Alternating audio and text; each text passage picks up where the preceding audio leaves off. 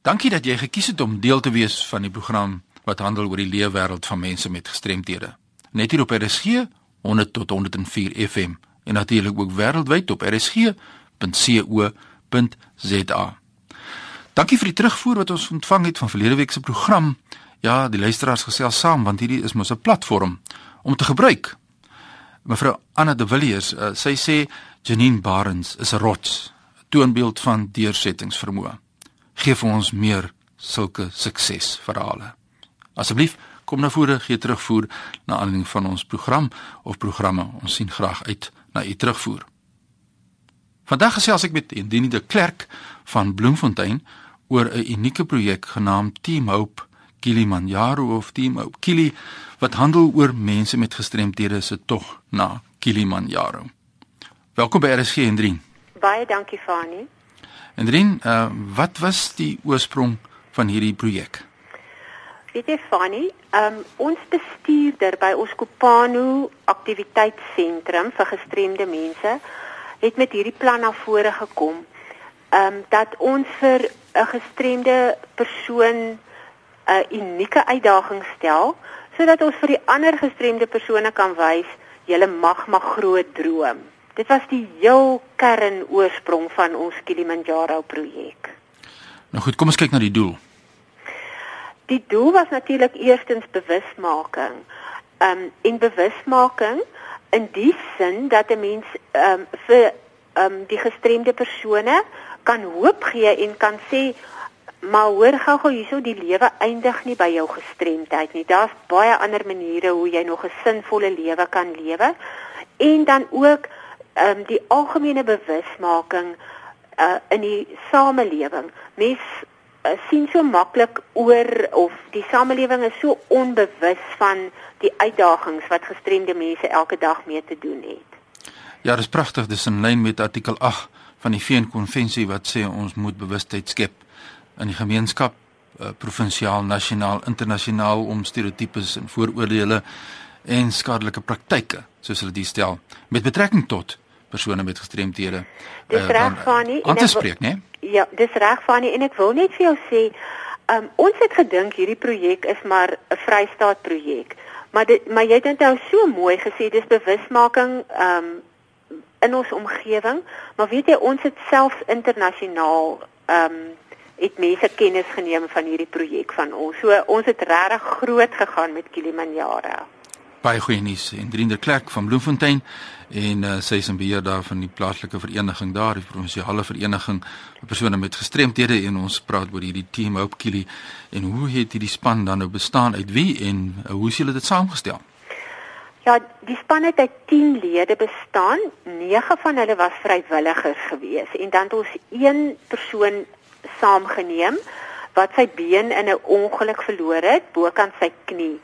En ehm um, toe die projek begin het, het hy nog op krikke geloop want hy het 'n protese gehad wat hy 'n hele paar maande gelede in 'n brand verloor het. So ehm um, dit was regtig en op die ou einde het hy die berg gaan klim met 'n nuwe protese. So die ehm um, deel van ons span was daar was drie mediese dokters in ons span. Daar was ehm um, ons ehm um, bestuurder by die Kopano werkswinkel daar was mense van Celsius, daar was ons hoofborg was ZPC, um uh, uh Hospitality Renovations. So ons het 'n span van 10 lede gestuur. Dit is nou interessant. Ons praat nou so van die mediese dienste en ek sê die noorddienste is ook daar in die omgewing, maar dit was nou definitief nie by Kilimanjaro nie. ja. Maar belangrik dat ons weet dat mense met gestremthede het hierdie tog aangepak en dit is so belangrik vir die bewusmaking en ook die die persoonlike oorwinning wat mense dan beleef in daardie situasie. So vertel ons dan nou vir die tog self. Ehm um, ja, ons het nou hierdie inligting van die span gekry toe hulle teruggekom het en uh, wat wat vir hulle die grootste motivering was is om vir Godfrey, die gestremde persoon wat ons saam wat hulle saamgeneem het, by te staan.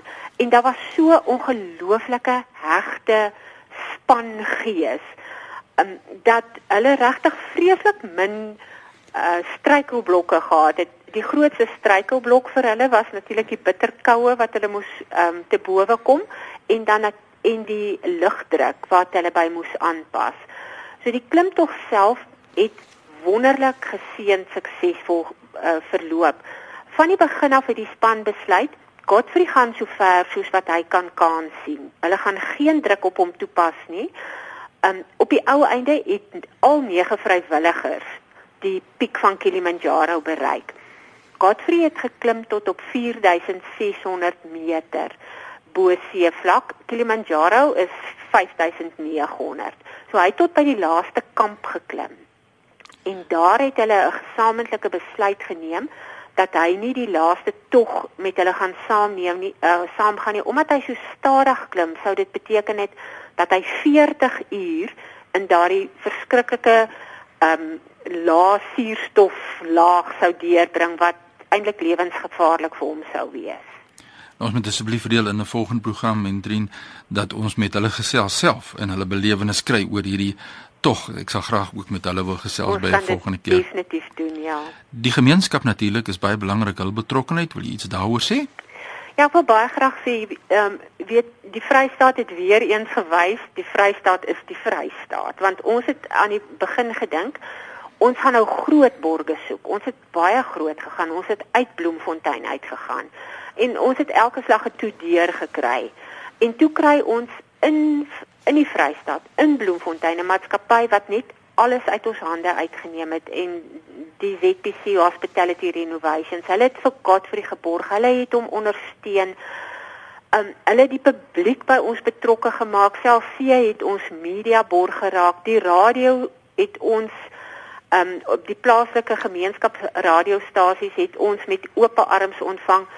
Godfrey was moeg onderhoude gevoer. Die mense het in in hulle hoe waar hulle kon het hulle ons span ondersteun en so het ons projekte ook een van die amptelike Nelson Mandela projekte geword want hulle het op Mandela Dag begin klim. So dit was op die Nelson Mandela webblad geadverteer. Ons het van ehm um, internasionale ondersteuning toe daarvan gekry en uh, jy weet dit is baie snaaks as ek nou in die Eh, met iemand in Bloemfontein praat en ek sê ek werk by IPD en ek sien daar so 'n halwe fronsie op hulle voorkop dan sê ek man die Kilimanjaro mense. Dan sê hulle o man hoekom het jy nie aan die begin so gesê nie? Ja dit wys jy dit wys jy wat ja. mense kan doen. Jy weet ons het net verwys na die VN konvensie en dit sê ook baie duidelik weet mense kan na paragraaf 2 kyk dan sê hulle positiewe denkrigtings en 'n groter sosiale bewustheid dis reg ja. skep word aangaande persone met gestremdhede maar daar's baie mense wat wonder Uh ja, ek gesels met Hendrine de Klerk en sy is van Bloemfontein en ons kyk na hierdie Kilimanjaro projek. Wat gebeur nou met Team Hope? Team Hope is nou 'n konsep wat ons gevestig het. Um da, die vorige die eerste span was Team Hope Kili, maar um ons het al klaar iemand wat die Sky Run wil gaan doen vir um vir ons organisasie en so dan gaan 'n Team Hope Sky Run wees. Jy weet so die Team Hope konsep is gevestig ons gaan um, al um, nog verskeie projekte. Ons beplan regtig al vir volgende jaar weer 'n groot projek. Ek het vir my span gesê, "Hoekom het julle so groot begin? Hoekom het julle nie met Tafelberg begin nie? Ja. Hoekom het julle met Kilimanjaro begin? Want nou moet ons regtig die standaard handhaaf." Maar die konsep is gevestig en binne hierdie team Hope konsep gaan ons um baie baie projekte nog uh, beplan ons vir die toekoms. Ja, dit is my so mooi, jy weet as mens kyk, jy het nou verwys na die uh media uh, wat aangemoedig het in hierdie proses en hulle deelname aan die proses en die media het so 'n wonderlike geleentheid ook om mense met gestremdhede te ondersteun. So dis regtig waar prysenswaardig. Baie geluk dan nie van ons kant af ook met hierdie wonderlike projek en wat jy bereik het daardeur. Ons tyd hardloop vinnig uit. Ek wil graag net by jou terugkom na iets wat ons so 'n paar maande gelede of 'n jaar of wat gelede gesels het. Kan jy vir ons kortliks net sê wat is die Goodwill Shop wat ons daaroor gepraat het en hoe vorder die proses daar so ter afleidings van ons gesprek? Ja, ehm um, Fanny baie dankie. Die Goodwill Shop is een van die mooi stories hier by ons uh, vereniging. Ons het intussen so uitgebrei dat ons nou 'n bakhuis by ons Goodwill Shop begin het um, van ons gestremde mense. Dis pragtig. Jy moet jy moet regtig eintlik kom kyk. Hulle sit in 'n rolstoele en hulle bak beskuit en hulle bak verjaarsdagkoeke. So die Goodwill shop gaan ehm uh, aan weer eens met die hulp en die ondersteuning van die gemeenskap. En waar kry hulle vir julle in die hande? Is dit in Parkweg daar in Bloemfontein nie? Parkweg uh, 47 reg oor die toerisme sentrum. Ehm um, uh, uh, jy weet uh, julle kan julle bestellings by ons plaas want onthou nou net die beskuit wat jy by ons bestel word deur 'n man gebak wat in 'n rolstoel sit wat nie bene het nie en dis sy trots. Dis so dis so lekker. Ek ek weet ek hoop julle kan my opgewondenheid daaroor voel. Ja, ek kan dit beslis waarneem. Iemand wat passievol is en dis Hendrine de Klerk daar van Bloemfontein. Julle liewer ook dienste natuurlik nie net in Bloemfontein nie, maar ook vir die Vrystaat, né? Dis reg. Ons het nou ons ehm um, Baba Goodwill shop in Welkom begin. Presies dieselfde suksesresep daar oorgedra. So die mense in Welkom kan ons ook daar gaan ondersteun. Ja, kom ons gee jou kontakbesonderhede deur vir die gemeenskap. My kontaknommer is 051 430 2883. Dit is die kontakbesonderhede van Hendrine de Klerk. Ek herhaal hom net is 051 430 2883. Hendrine, baie dankie vir die lekker gesprek en terugvoer ons gesels weer met jou by 'n volgende geleentheid. Dankie vir jou ondersteuning, Fanie. Indien jy enige navrae of voorstel het om 'n storie te vertel of gee 'n kommentaar, soos ons gesê het aan die begin van die program, asseblief hierdie is 'n platform. E-pos my by fani.dt by mweb.co.za. Jy kan my volg op Twitter by fani dreams en gesels saam deur middel van Skype. Jy kry my by fani de 23 en dat ons meer met mekaar deel of leer oor die lewe wêreld van mense met gestremthede. Hierdie program word natuurlik woensdaeoggende om 3:15 herhaal en natuurlik dit kan afgelaai word van Potgooi of deur middel van Potgooi. Besoek net rsg.co.za en volg die instruksies. Groetens uit Kaapstad.